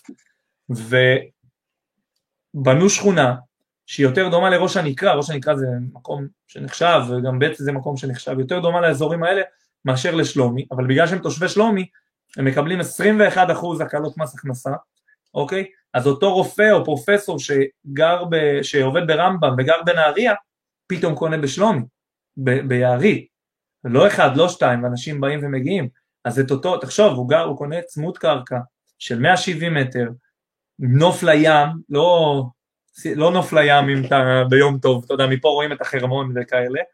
תכלס נוף לים, ברמה, הראיתי, הבאתי אשתי פעם ראשונה לפרויקט בסופש, בשבוע שטיילנו שם באזור, והיא אומרת לי, וואו, לא ידעתי שזה כל כך קרוב לים. ואתה מביא אותו לשם, הוא מקבל בנטו שלו, אני לא נוגע במספרים מדויק, אבל עד בערך 270 אלף הכנסה שנתית, אתה לא משלם מס הכנסה, זה, זה העלה נטו של משפחות בין 4 ל-8 אלף שקל נטו, זה מטורף. אה, וזה הביא אוכלוסיות מאוד מאוד חזקות. עכשיו אני אומר, לא מצפה שמישהו מתל אביב יעבור לגור בקריית אתא, אבל חד משמעית, כמו שאנשים מבאר יעקב קונים, עזוב, קח את באר יעקב, באר יעקב, תשאל רשל"צים, חבר'ה מראשון לציון, מי שלא הבין את הקיצור, שאל אותם פעם על, על אם הם היו גרים בבאר יעקב, והם היו לך אין סיכוי, אין סיכוי, והיום באר יעקב, אתה אמרת כמה? 1.7? בוא נלך לדירות של שתיים וחצי. זה מטורף, באר יעקב מטורפת, כן. וגם כל מה שקשור... אז אני מאמין שגם קריית אתא, בגלל שהיא גם קריאה מאוד מסורתית, אז היא מושכת אל האוכלוסייה שהיא לאו דווקא מקריית אתא. לא מצפה, לא מצפה משוק כזה, בסדר? שמחר בבוקר יהיה דניה בחיפה. לא מצפה. זאת אומרת, אני מצפה שאותו שוק ינהג כאותו שוק, אבל חשוב להבין גם אלטרנטיבות. זאת אומרת, השוק בנוי מרוכשים למגורים וממשקיעים. משקיע היום שנוסע צפונה, או דר... אני לא מדבר על דרום כי אני לא מכיר לעומק ואני לא אגע, אה, אבל מי שנוסע צפונה, בשביל, או, או בכלל מהמרכז צפונה, חוץ ממגדל העמק שאני מכיר שיש שם דירות זולות יותר, אבל זה שוק שאנחנו גם מכירים אותו לעומק, עברתי הרבה גלגולים גם שותפים וכולי, אז אה, אה, ברוך השם עשינו הרבה בחמש שנים האחרונות, וזה שוק שהוא יותר קשה מקריית אתא, קריית אתא זה שוק הרבה יותר שכיר ושכיר, גם עם שין וגם עם סמך. רועי, אנחנו רואים, במקביל שאנחנו מדברים, נכנסתי בעצם לדוחות של הלמ"ס מבחינת אה, איך אה, קריית אתא היום. אה, הדוח הוא לא כזה עדכני, אבל אתה יודע, נותן לך אינדיקציה. אנחנו רואים שמבחינת קצב גדילה, אנחנו מדברים על משהו כמו אחוז בערך, נכנסים ויוצאים בערך כמעט, סביב האחוז בוא נגיד גידול טבעי. בלוד לדוגמה זה סביב השני אחוז, זאת אומרת אנחנו רואים באמת שבלוד אה, יותר אנשים נכנסים. אה, מבחינת אה, שכר ורווחה אנחנו מדברים פה על, איפה זה? 8,900. מבחינת, כי אתה יודע שזה פחות מהממוצע הזה, זאת אומרת אנחנו רואים שקריית אתא זה עיר שמבחינת התכלס לתפוס עכשיו נכסים להשקעה זה יותר השוק הזול. זאת אומרת, נכון. לא יודע כמה זה ישתלם לקנות נכסים עכשיו חדשים במיליון 100 או מיליון 200 ולהמתין שהמחירים יעלו. נכון. זאת אומרת, אם, אם, אם, אם, אם, אם, זאת אומרת, קריית אתא נותנת, נותנת לך אלטרנטיבה טובה לאזורים היותר יקרים. אתה לא מחפש שם נכסים שישביחו את עצמם עכשיו במאות אלפי שקלים, כמו לדוגמה לוד, לא. שיכול לעשות... חד משמעית, אני גם אומר לחבר'ה שבא אליי בחור צעיר עם 200 אלף שקל, אני, אני ארצה שהוא ישיג, ילווה, ימנף מאיפה שהוא יכול עוד קצת כסף ויקנה ברמלה לוד, כי מבחינה הונית זה יותר חשוב לי ההוני, אבל מי שבא ורוצה לבנות פנסיה, ומי שבא ורוצה ריבוי נכסים, או, או, או לעשות דברים שהם קצת אחרים, סטייל פליפים על חלוקות וכאלה, קריית אתא משדרת לי בדיוק את הדבר הזה, ואני אומר את זה עוד הפעם, גם השוק הזול, אבל גם אלטרנטיבה שיש אופרציה שלמה שעובדת ופועלת מאוד מאוד מאוד מאוד חזק, ו... אה, אה, אה, אם נחלק את זה, קריית אתא בעצם תשמור לך על ה... על ה... היא תשביח, זאת אומרת הנכס ישביח את עצמו, אבל המטרה היא לא לממש עכשיו במאות אלפי שקלים רווח, המטרה היא לא הונית, היא לא הונית, נכון. אלא פירותית, ובלוד ובאזורים היותר זה, זה כמובן צפי להשבחה גדולה ובאמת רווח יותר גדול. נכון מאוד. אה, וואו, אתה מאמין שאנחנו כבר שעה ו-12 דקות בלייב, בפודקאסט? כן. הבעיה שאנחנו יכולים להמשיך ככה עד הבוקר. לא, יש לנו עוד איזה כמה דקות, אה, בוא נראה אם אנשים שואלים פה איזה. אה, בן, מה דעתך על קריית גת? זו שאלה מאוד מאוד רחבה. אז אם זה משהו נקודתי, אתה יכול לשאול בפרטי. את ליאור פישר אני מכיר כבר הרבה זמן, הוא ככה עוקב, כן, עוקב, עוקב הרבה. זיו הדר, שהוא, אה, זיו הדר הוא מתכנן ערים, הכרתי אותו לפני איזה שבועיים שלושה בפייסבוק, כמה אנשים טובים אני מכיר בפייסבוק, איזה כיף. אוהב את כולכם, את כולכם. האמת שגם אני וזיו, היה לנו שיחה, זיו, דרך אגב לא סיימנו את השיחה שלנו, אני עכשיו נזכר, אבל זה חול המועד, זה לא אני. אה, אז זהו, אז הוא שלח לי זה, ואתה יודע, לפעמים אני מתעניין ככה מה אתה עושה, בשביל באמת לראות חיבורים, כי אני באמת מאמין שנדל"ן זה אנשים, וככה הבנתי שהוא מתכנן ערים, ובעזרת השם עוד נביא אותו גם ללייב, ככה נלמד ממנו. אה, חושב שלרכבת הקלה שבונים בקריית אתא תהיה השפעה על המחירים? נראה לי בטוח. אה, בטוח, תראו, לתחבורה יש השפעה על מחירים. עכשיו, אם היא תהיה, אני שוב אומר, יש הרבה אנשים, אני חייב, אני אוהב לשים לאנשים את התמונה בתוך... תראה, לתחבורה, לתחבורה, זה לא הסוף של העניין של התחבורה, זה בהחלט השפעה על המחירים. אבל נכון, כי זה מרחיב את הטווח מעבר לזה, ההשפעה, התחבורה יש לה השפעה חברתית, חבר'ה, מאוד מאוד מאוד משמעותית. זה לחבר את הפריפריה למרכזים, למטרופולים הגדולים. לא רק, שזה, לא רק, אבל לא אנחנו רק. יכולים לראות את זה, דרך אגב, אנחנו יכולים לראות את זה בבית שאן וגם באופקים, שהמחירים שם עלו משמעותית מ-2016 שחיברו אותם לרכבות, המחירים עלו. עכשיו, מעבר לזה שהמחירים עלו לדוגמה באופקים, אופקים נהייתה פנינת נדל"ן מטורפת, אני לא יודע כמה אתם עוקבים, אבל היא, היא פשוט מטורפת. אה, מחר, מחרתיים אני אמור להעלות מאמר על זה, פוסט, תעקבו, ואתם תראו ממש את כל הנתונים מבחינת השוואה אפילו לבאר שבע, מה קורה באופקים ואיך ההשפעה של הרכבת, זה משהו שהוא דרמטי. יש לי משפחה ענקית באופקים, אתה יודע, ושהגעתי שם ברכבת פעם אחת, עשיתי מילואים במשמר הנגב לפני איזה שנתיים, אחרי, אחרי והגעתי לשם והתקשרתי לאחי ואמרתי, אתה לא מאמין, יש רכבת באופקים, אני, מה קורה פה? מה זה, זה ציוויליזציה. עכשיו, אני, אני חייב להגיד רגע על משהו, מה שאמרת. הרבה אנשים אומרים לי, מה המרחק של שלומי מתל אביב? מה אכפת לי, אחי? לא רלוונטי, זה לא רלוונטי. למה, מישהו יבוא מתל אביב לשלומי? עכשיו, אתה רוצה לשאול אותי, אז סבבה, אז יש uh, כביש 6 שמתוכנן לכמה שנים הקרובות לצאת בצומת בצת, אז הוא ייקח אותי מכפר סבא לשלומי בשעה ורבע. אילת קרובה ב... לתל אביב, אילת, כמה זמן? אה, לא, לא, שלוש שעות זה רחוק. 380 קילומטר, אתה התחרפנת. חייב להגיד את זה כי אמרת גם זאת אומרת, מבחינתי אה, מגדל העמק, אוקיי, היא נמצאת בכל עמק יזרעאל והסביבה, זאת אומרת, אה, אז חד משמעית אני מאמין שתהיה השפעה, אה, זיו לשאלתך, לא יודע מה תהיה רמת ההשפעה של זה, אני בטוח שבאזורים חזקים יותר ההשפעה תהיה אולי גדולה יותר, אני לא יודע להגיד בוודאות, אני כן יכול להגיד שהמטרונית, זאת אומרת יש מטרונית שיוצאת ש... בכל נכון, הקריות, נכון, שמגיעה לחיפה, נכון. נכון, שמגיעה לחיפה, היא חד משמעית השפיעה, זאת אומרת אנשים היום, נגיד רחוב יוספטל בקריית אתא, מאוד אטרקטיבי, חבר'ה אוהבים לגור שם בשיכונים, ויורד למטה, יש לו מטרונית, הוא נוסע דוך לעבודה שלו איפה, איפה שהוא לא עובד בקריות או בחיפה, וזה מעולה. אמ, זה, זה לגבי, לגבי הרכבת הקלה. כן, לגבי, אה, אה, וואו, זה לייב שדיברנו ונגענו בהרבה מאוד דברים, תחבורה ונדל"ן, והשפעות חברתיות, ומגזרים, אה, וואו, אתה מבין? אמרתי לך שיהיה מרתק. אני נהנה, אני נהנה, אתה יכול להמשיך. כן, שעכשיו אני רוצה לגעת ביזמויות שלך, מתי התחלת ומה אתם בדיוק עושים. מדהים, אז קודם כל, אני, אני יכול לתת הקדמה לדבר הזה?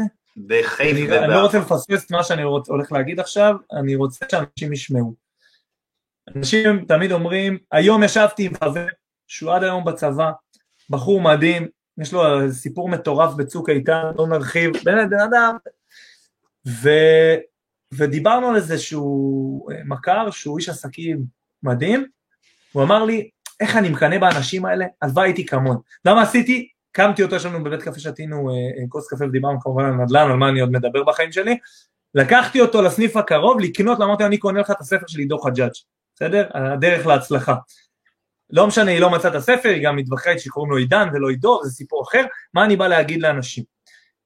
המגבלות אצלכם בראש, בלי, מי שמכיר אותי, אני לא איזה רוחני יותר מדי, או דברים כאלה, אני אומר את הדברים תכלס בפרצוף, מי שקורא אה, מוקף ואידיוטים, אז אני אדום, לגמרי אדום, ואחד תקראו ספרים, ת, ת, תתחילו ל, ל, ל, כל הזמן אה, לחשוב אחרת, כי מי שמגיע למקומות אחרים, הוא פשוט חושב אחרת, לא כי הוא גאון ולא כי הוא מוכשר, ואני בטוח, אה, אתה איש מדהים בעיניי, ואני בטוח שעשית דרך מטורפת ולא קמת בבוקר ונהיית בן סולומון, אה, כן נהיית בן סולומון כי קמת בבוקר, כי אמא ואבא החליטו, אבל האישיות שאתה, וזה גם מה שאמרתי לו היום. אמרתי לו, תקשיב נשמה, אתה יודע לנהל מלחמה. מי בחוץ יודע לנהל מלחמה? אני שם אותך בחברה מחר בבוקר, אתה חוד, תוך חודש יכול להיות מנכ"ל החברה עם היכולות שיש לך. אז תוציאו שני התשתיות שלכם מהראש. כשאני יצאתי החוצה, יצאתי עם שני ילדים קטנים, בסדר? בלי עזרה מההורים, אבא שלי נפטר לפני שלוש שנים, זכרונו לברכה, היה אבא מדהים, מדהים, מדהים, מדהים, מדהים. מבחינה עסקית וכלכלית, היה שם תקלות בדרך שלא השאירו לנו משהו אחרי זה, זה לא מעניין אותי, אני לא מחכה שייתנו לי מתנות, ואנשים, אני בטוח שיש אנשים שיושבים בבית, ותכף אני אספר על היזמות וזה בכלל יקפיץ להם, והם יספרו לעצמם למה רועי גולן מצליח ולמה הם לא. ואם מישהו חושב שיש לו תירוץ למה אני מצליח והוא לא, אז אני מוכן שהוא יתקשר אליי ואני אשב איתו שם בזום ואספר לו את כל הבעיות שלי שהיו לי בחיים, מזה שסעדתי את אבא שלי, לזה שהיום 31 ועוד יומיים אנחנו חוגגים. והבעיות והאתגרים לא נעלמים, אתה יודע, אנחנו לא סוגרים. לא, לא, אני אומר, ולפני שנה שהיה לי מקרה עם הבן הגדול שלי, טפו טפו חמסה, שיהיה בריא, ומי שמכיר פה את אותו שלב של טיפול נמרץ ועניינים, לכולם יש בעיות, לכולם יש את הדברים שלהם, ומי שההבדל בין מי שמצליח, אני לא חושב שאני עדיין מצליח, כן, בוא, אבל בין מי שמצליח למי שלא, זה מי שעושה. זה הכול. אין, אין, אין, אין, אף אחד לא יספר לי סיפורים, אף אחד לא... יש אחד שהוא יותר ממוקד, יש אחד שהוא זה, להשתפר בדרך, בסדר? שנה שעברה היה לי טעות עסקית נוראית, אם זה משרד תיווך שנכנסתי שותף וסיפרתי לך קצת, ו, ומה? והפסדתי כספים, אני באמת, כאילו, זה, זה עצר אותי ואת אותי. אני יכול להגיד לך שלא רק שחזרתי להתקדם, חזרתי במכפלות, כי באתי ממקום אחר לגמרי, הרבה יותר מנוסה, הרבה יותר חד, הרבה יותר טוב, וזה בדיוק לשם, וזה פשוט היה לי, היה, היה, התבלבלתי מהרב, הייתי חייב להגיד את זה בלייב הזה, כי אני באמת רוצה שאנשים יצאו ויעשו ויפסיקו לבלבל לעצמם את המוח. כמו שבן אדם אומר לי, איך אשתך זורמת איתך על, ה, על, ה, על ה, מה שאתה עושה, אז זה נכון שאשתי מאוד מפרגן וכולי, אבל אתה צריך להזרים לא אותה. שם. אתה צריך לא, להזרים זה לא אותה. היה שם, יש, יש משפט שאומר, אני לא אדם דתי, כן, אני אדם די מסורתי, אבל אני לא אדם דתי, ואומרים, הרב אומר, האישה היא המראה של הגבר, אבל אני חושב שזה לכל כיוון, כי אם אשתי מחר בבוקר תבוא להם רעיון מדהים, ו, ו, ותרצה אותו, אני אעמוד, תקשיב, אני, אשתי התפטרה, אתה יודע איך אני מאושר? סוף סוף, אני לא אתמוך בזה? אני לא אתמוך בזה? שהיא עוזרת לי להגשים את החלומות שלי, אני לא אעזור להגשים את החלומות שלה? ואם אתה בא הביתה עם אש בעיניים, אף אחד לא יכול לשכנע אותך אחרת. אפילו גיסים שלי, שפעם היו אומרים לי, תקשיב ותיזהר, יושבים ומקשיבים ל, ל, לחפירות שלי על הנדל"ן הזה, כי הם אומרים, בואנה, הוא באמת מצליח לעשות מה שהוא אומר. אחרי כל כך, אחרי שנים, לא יומיים, אבל, אבל הנה, דברים קורים. סוויץ' ליזמות. תגיד לי אם אפשר. יאללה, אה, אה, האמת שחיזקת אותי, אני אומר יאללה, בחרתי טוב. יגב. יזמות, לפני שלוש שנים, מתקשר אליי... ואפילו, ואפילו, ואפילו ריגשת. אז אני אומר, בשם כל הצופים והמאזינים, האלפים שעוד יאזינו לזה ויצפו, אז תודה רבה, באמת נגעת בי, ובסופו של דבר באמת זה עניין של החלטה. לקבל כן, את הנה, יש לך בת בת כמה, בת כמה הבת שלך, בן? שלושה חודשים כפרה. יופי, כל מי שבקהל פה יש לו ילדים. הנה, שאלינו מקודם לטסט, מי רץ אליי בוכה? אבא, תגיד לי לילה טוב. ומה אני יצאתי? לא- ומה לא אני יצאתי? מה אני הצעתי לך? אה, לא, זה כבר הצעה מסוכנת, חשבת שהוא יישאר בלייב. אני אמרתי, יאללה, בוא, כאילו זה לייב כל כך אה, ספונטני, אה, ואמרתי, יאללה, שיהיה פה, כי הוא בכה ורוצה את אבא. אה, אז יאללה, זה קצת יזמות נדל"ן. טוב, אז קודם כל זה עולם אחר. זאת אומרת זה לא דירות, אבל זה גם לא כזה, אני תמיד אומר, זה נראה לי משפט של ניר דובדבני, תן לו את הקרדיט, על, על דברים אחרים, אבל נדל"ן זה דבר מורכב, אבל הוא מורכב מדברים פשוטים. זאת אומרת, תדע להרכיב את הפאזל ולרוץ איתו. זיו הדר שהגיב פה, ואני גם לא אוותר לך ואני, מחר אנחנו נדבר בעזרת השם. יש כל מיני גופים וכל מיני דברים בדרך שצריך אותם בשביל להרכיב את התמונה הזאת, ולפני שלוש שנים בא אליי יוסף, זה השותף שלי ביזמות, שותף המסתורי שלי והאיש המסתורי בחיים בכלל, הוא, הוא האיש אה, מאחורי הרבאק שיש מספרים וחשיבה, זה יוסף, אה, ואמר לי, תקשיב, הייתי במקום מדהים, לא נעלה אתכם בדברים, אמרתי לו, יוסף, רועי, רועי יש, לנו, יש לנו שתי יש. דקות לדבר על זה. מעולה. מצאנו מגרשים אה, בשלומי, הבנו את הפוטנציאל, צמודי קרקע התאהבנו גם במקום, אבל גם ב, ב, ב... אנחנו בסוף יזמים, אנחנו מתאהבים ברווחים היזמיים. ראינו שאנחנו עוברים את ה-30% רווחים יזמיים, קרקעות פרטיות, צמודי קרקע, התחלנו בשתיים, היום אנחנו עומדים על 26 צמודי קרקע, שכרגע שישה בבנייה, נכנסו עוד ארבעה עכשיו ממש ממש ליסודות, ממש עכשיו קיבלנו היתר. האנשים שבונים איתכם זה רק משקיעים או זה... רק משקיעים, אנחנו בונים. אנחנו היזמים, אף אחד לא בונה איתנו. אה, אתם בונים ובעצם מוכרים, סבבה, כן. כן, אנחנו, אה, אה, אנחנו היזמים, אנחנו הגענו, רכשנו, לקחנו ייפוי כוח, הבאנו משקיעים ספציפיים שנענו, ואחד המשקיעים הוא איזשהו משקיע גדול, שלא נדבר עליו יותר מדי לעומק, ואז אמרנו בוא נעתיק את זה למרכז, כי באחוזים זה פחות, בג'ובות זה יותר, ותראה מה זה מקצועיות, ממעבר לייעוץ מס מקרקעין נכון, הבנו שפשוט העולם הרווחי לנו יותר זה בנייה רוויה, ורכשנו בחודשים האחרונים שלושה מגרשים לבנייה רוויה בכפר סבא, אה, רכשנו מגרש אחד בהוד השרון לצמוד קרקע, עושה לנו בעיות כמו, כמו שלושת המגרשים של הבניינים. אה, אחד יושב ללונגרן, אה, משקיע שיודע לשבת, זה לא משהו שאופייני לכל אחד, ושני מגרשים של אה, בנייה רוויה, אחד אחרי שינוי תב"ע ל-11 יחידות, ואחד כרגע הוא, עם הקלות מקבל 8 יחידות, השאיפה להגיע בין 11 ל-13. אני אומר בעזרת השם ובעזרת יוסף, כי אם הוא רוצה הוא מצליח. מעורר השראה אחי, מעורר, כל הכבוד, זה באמת כיף לשמוע, זה מדהים. כאילו לפני חמש שנים היית במקום אחר, ביטחוניסט בכלל, מי שלא מכיר הוא היה בשב"כ, אה, ותראה איזה תהליך עברת בחמש שנים לעשות את הדברים האלה, וזה באמת מדהים. אה, זהו, אז, אז נכון. עברת בעצם מבנייה אה, פרטית, עברתם לבנייה רוויה, כי הבנתם שיש שם יותר כסף. זה קורה במקביל, נגעת מקודם על, על שכירויות ומגורית ו- ו- וקרנות שרוכשות, יש חוק, אחת הסיבות שאף יזם לא רוצה שזליכה יעלה, זה כי יש חוק לעידוד השקעות הון. החוק הזה הוא, הוא, הוא האופציה היחידה לפתוח חברה בע"מ בלי תיק במע"מ. אוקיי, אני לא מרחיב על החוק, אפשר לדבר עליו ארבע שעות. שורה תחתונה מה שהוא אומר, שאתה כיזם יכול לקנות בלי מע"מ, לבנות מעל שש יחידות, אוקיי? אה, אה, למכור עד 50% מה, מהרכישות שלך כרגיל ולהשאיר לפחות 50% לשכירות מתום הבנייה לפחות לחמש שנים. יפה, זה בדיוק העניין של אה, אה, דירה להשכיר, בעצם הפרויקט שיצא ב-2016. בדיוק, והקלות מס וזו הסיבה, והיום הרבה מאוד אה, קבלנים ויזמים נכנסים בדיוק לעניין, לתוך הנישה הזאת. כל אלה שחוששים שהשוק יזוז וכאלה, הם פשוט נכנסים לשם וחוסכים הרבה מאוד כסף, ועוד 20 שנה לדוגמה, על פי החוזה, הם רשאים למכור.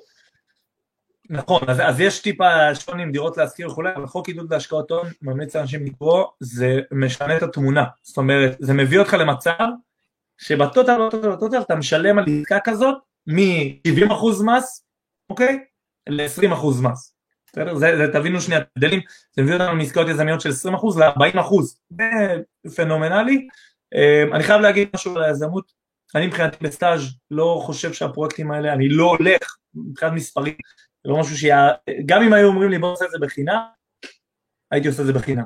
וזה אחד הדברים שאנשים צריכים להבין, וזה אבא עשיר אבא אני, וזה קסקי שאומר, שילמתי להם, לאט לאט הורדתי להם את הכסף, וככה התחלתי וככה אני עושה בהרבה דברים היום, והיום אני מרשה לעצמי על דברים מסוימים לגבות מחירים, שיש אנשים שאומרים לי אתה מגזים במחיר, אני אומר, אבל בוא תראה, תראה מה אני מביא לך, אה, אה, והפוך, אנשים דווקא שמחים לשלם לך אה, על איכות ועל ניסיון וכולי וכולי, אל תתביישו לעבוד בחינם, זה, זה יביא לכם המון ניסיון, שזה מה שאני חושב ש... שבסוף משנה את ה... אה, וואו, מי היה מאמין, אחי, שאנחנו כבר שעה 26 ואני חייב כבר, אה, אנחנו חייבים לסיים.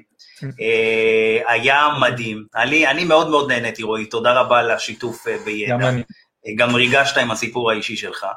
אה, ואני חושב שכדאי להביא אותך לעוד לייב, כי היה סופר מרתק ומעניין, ובלייב הבא, שככה נקבע אה, לאחר מכן ונעדכן אתכם, אנחנו נדבר יותר על היזמות, כי אני רואה פה הרבה שאלות על יזמות, ובאמת זה עניין שהוא רחב, ואנחנו ניגע, וגם אני אשתף מתוך הניסיון שלי, אה, באזורים שבהם אני פעיל, מי שלא מכיר, אני פעיל מאוד חזק בבאר שבע, אופקים ודימונה, אלה השווקים שאני מכיר ממש טוב, הרבה מאוד עסקאות והרבה ניסיון, ורועי מכיר את האזורים של קריית אתא, שלומי, כמו שעכשיו הוא, לא, שלומי, שלומי זה... אז יש את קריית אתא, רמלה ולוד, שהוא באמת מאוד מאוד בקיא נכון. שם, עושה עסקאות גם לעצמו וגם מלווה משקיעים. וחיפה, סביב הטכניון, אזור חיפה, שוק שממש נפתח עכשיו, ממש ממש ממש, צורות של שישה אחוז על דירות סטודנטים, אני מקווה שאני לא ככה, שאנשים לא הולכים להעתיק, אבל זה שוק בתולי, אין שם, אין לנו מתחרים שם, אנחנו עושים שם דירות סטודנטים, מה שאתם מכירים, באר שבע שם, לא נשר, חיפה, מי שזה מעניין אותו, אז באמת זה שוק שמדהים. אז חברים יקרים, מי שרוצה ליצור קשר עם רועי, פשוט תשלחו לו הודעה בפייסבוק, אה, רועי גולן, אה, הוא גם, אה, תיכנסו פשוט לדף שלי, לפרופיל, מאיפה שאנחנו משדרים כרגע, תמצאו את רועי, ותפנו אליו בכיף לעסקאות בקריית אתא, חיפה, רמלה לוד, רועי הוא הבן אדם והוא האיש שלכם שם.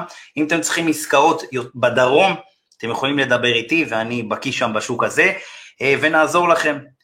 כן, הוא יענה לך, משה בן דוד כותב, הוא עונה בפייסבוק, בוודאי, אנחנו חיים את הפייסבוק וזה חלק ניכר מעבוד, מעבודתנו. חברים, שמחנו מאוד לשדר לכם. רועי, איך אתה מסכם את השידור ככה במשפט? זה מדהים שיש מקום לבוא ולדבר על הדברים האלה, גם אם יש שפה משותפת, ואתה, אתה, דיברנו עליי, אבל הדברים שאתה עושה הם גם מטורפים, ומדהים, אם זה יגרום למישהו אחד אפילו לצאת ולעשות, ולשנות אפילו את המהלך הכלכלי בבית, להשקיע אפילו לא בנדל"ן, אבל במשהו שיקדם אותו, עשינו את שלנו, ושליחות לגמרי, ואני חושב שהעולם הזה מדהים, תפתחו את הראש, ו... אני, אני, אני אומר את זה לכולם, אני אומר את זה לכולם, חברים, אתם לא חייבים להשקיע בנדל"ן, פשוט תשקיעו בזה שלכם. במקרה אני מתמחה פשוט בנדל"ן וגם רועי, אבל אה, תשקיעו במשהו, ו- וכי אף אחד לא ידאג לנו, שום פוליטיקאי, אתם רואים מה קורה עם הממשלות, כל ממשלה כזאת שמתעכבת ומתעכבת זה משהו שכל הזמן, לצערנו או לשמחתנו, מעלה את המחירים. אתה יודע, לפני 20 שנה, 21 שנים, בשנת 2000, המיסוי על הדירה הראשונה, זאת אומרת המדרגה הראשונה הייתה סביב ה-460-470 אלף שקלים. היום זה עומד על מיליון 700, שתבין את ההפרשים, זה מטורף, זה רק מראה לך כמה, זאת אומרת הנדלן קפץ באופן משמעותי.